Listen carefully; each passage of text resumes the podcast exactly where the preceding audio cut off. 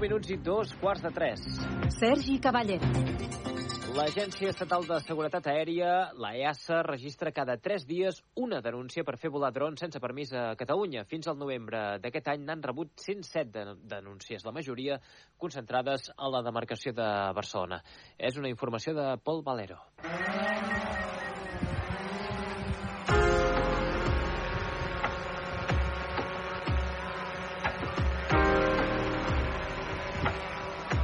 Majoria de les multes són a persones que fan volar aparells no registrats o que no han fet la formació de pilot. Des del 2021, la normativa europea obliga que tots els drons que pesin més de 250 grams o que tinguin càmera estiguin donats d'alta a AS.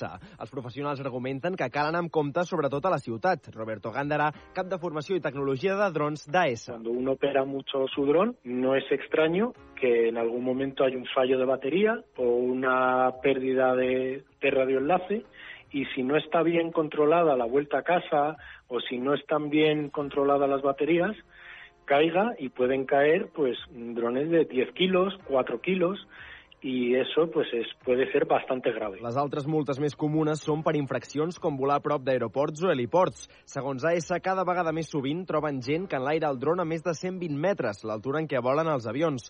Gandera també considera important tenir tots els drons registrats per poder vigilar si se'n fa un ús lícit i per garantir la privacitat. Tienen unas cámaras excelentes lo- los drones. Drones incluso pequeños hacen grabaciones de calidad cinematográfica, pues bueno, se pueden utilizar para tomar imágenes que luego se difundan por las redes y que no, y que no correspondan.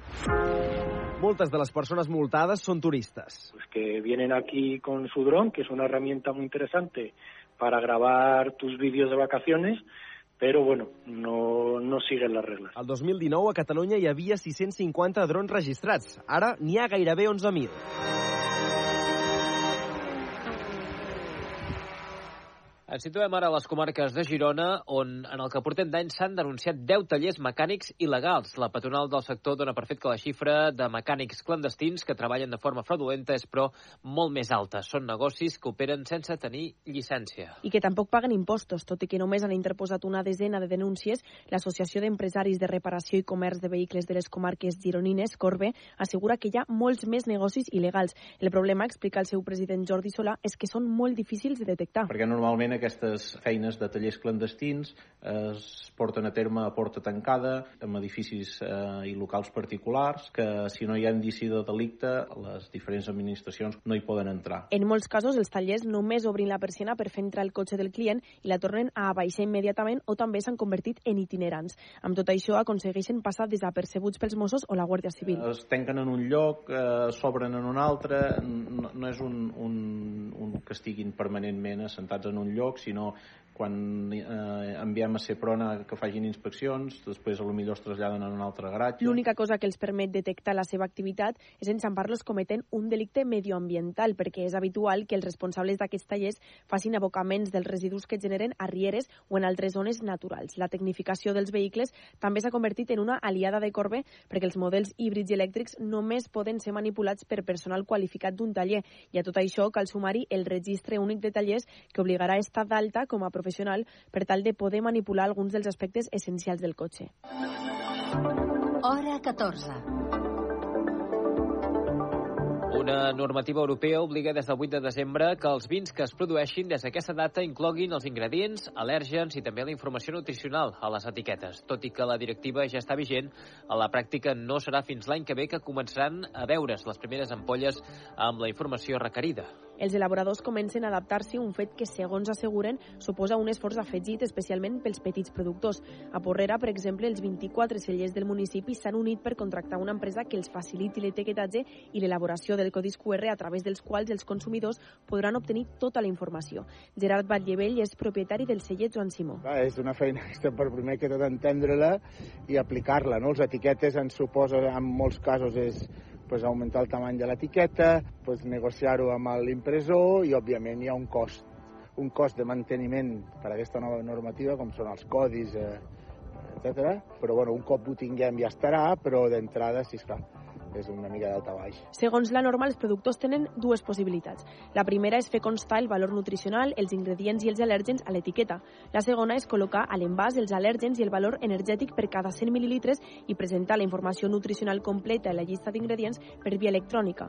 La manera més senzilla de fer-ho és mitjançant un codi QR. Per cert, si sou autònoms, sapigueu que l'Associació de Treballadors Autònoms, l'ATA, pronostica un 2024 difícil per als autònoms amb una frenada general de l'economia espanyola. Ho ha explicat el president d'aquesta Lorenzo Amor. La buena noticia vendrá por eh, digamos, la moderación en la inflación, aunque la veremos una inflación todavía alta, estamos hablando de una horquilla entre el 2,5 y 3,5. Eh, desde luego los autónomos sí afrontan un año 2024 con unos incrementos de costes, costes laborales, de seguridad social, eh, de impuestos. Y habrá que ver, habrá que ver si las ventas y la actividad pueden compensar este incremento de costes. Segons diu la patronal, en aquest context, la majoria d'autònoms ni s'han plantejat ampliar les seves plantilles. Demà obrirà portes al Saló de la Infància. A Barcelona són 30.000 metres quadrats amb activitats lúdiques, esportives, creatives i culturals que fomenten també valors i hàbits de vida saludable. Hi haurà 60 propostes, entre les quals tallers de cuina, inflables gegants, videojocs o realitat virtual. Ho explica la directora del Saló, Ana Ventura. Aquest any, al Festival de la Infància, eh, volem oferir una proposta de lleure de qualitat que permeti gaudir d'un temps en família a través d'espectacles, jocs i diferents activitats lúdiques i educatives. Es podrà accedir en dos torns a escollir, o des de les 10 del matí fins a les 3 de la tarda o des de les 5 de la tarda fins a les 9 de la nit. El preu individual és de 8 euros, mentre que el pack familiar per a dos adults i dos menors serà de 28. Per ajudar a planificar la visita hi ha una aplicació que informarà dels aforaments i dels temps d'espera en cada activitat. El Saló de la Infància estarà ubicat al Palau 2 de la Fira de Montjuïc i se celebra des de demà i fins al 31 de desembre. Hora 14.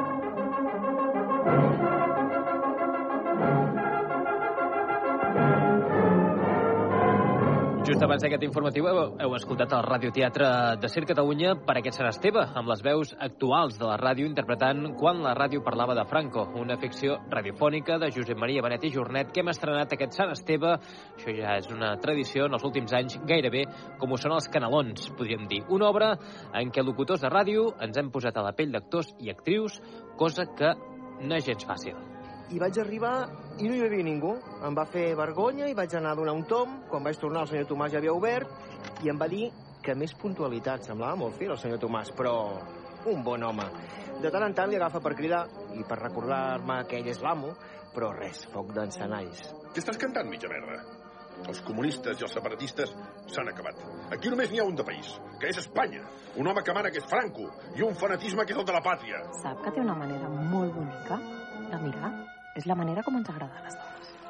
Ai, és ben veritat. Me n'hauré d'anar. Ja?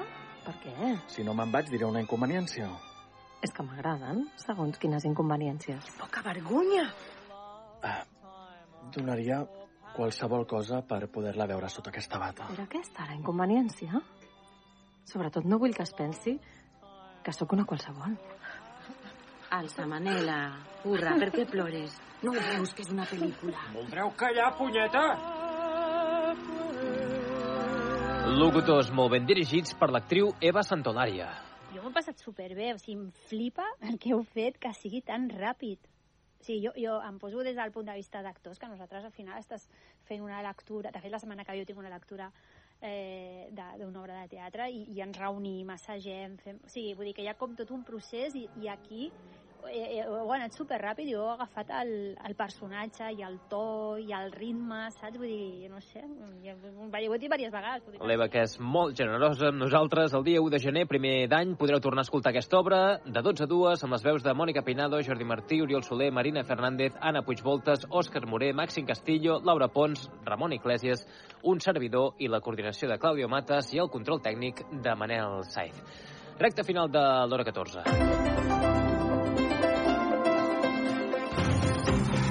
L'afició del Barça femení, Adrià Soldavila, eh, pendent del genoll de la capitana. Bona tarda. Bona tarda. Alexia Putellas passarà pel quiròfan demà dimecres 27 de desembre per sotmetre's a una artroscòpia. Després n'ha llaçat diverses setmanes arrossegant molèsties al genoll esquerre.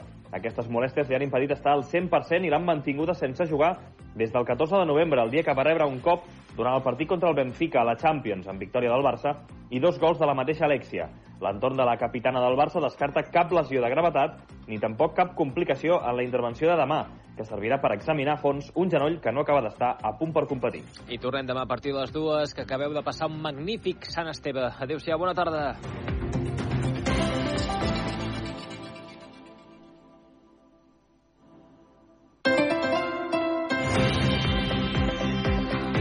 Hora 14. El láser.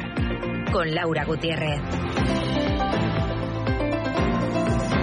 Dos y media, una y media en Canarias. Sobre la bocina, el Gobierno ultima las negociaciones antes del último Consejo de Ministros del año, mañana día 27, en el que tiene que decidir si las medidas anticrisis se suman con el 2023 o siguen adelante. Jordi Fabregas, redactor de la sección de Economía. ¿Qué tal? Buenas tardes. Hola, buenas tardes, Laura. Es un decreto complicado que tiene que conjugar muchos intereses económicos, pero también políticos, porque tiene que pasar por el Congreso y su financiación va a venir marcada por los presupuestos que el Gobierno aún tiene que negociar con los socios. La gran eh, novedad de la mañana de esa negociación es lo que se ha pactado ya con Bildu, que es extender la prohibición de los desahucios a personas vulnerables durante todo el 2024. Jordi. Sí, esa es la gran novedad de la mañana, el anuncio que ha hecho Bildu y que tiene dos partes. La primera es ese acuerdo para prorrogar a 2024 la prohibición de los desahucios a vulnerables. La otra es que también se extiende al año que viene la prohibición del corte de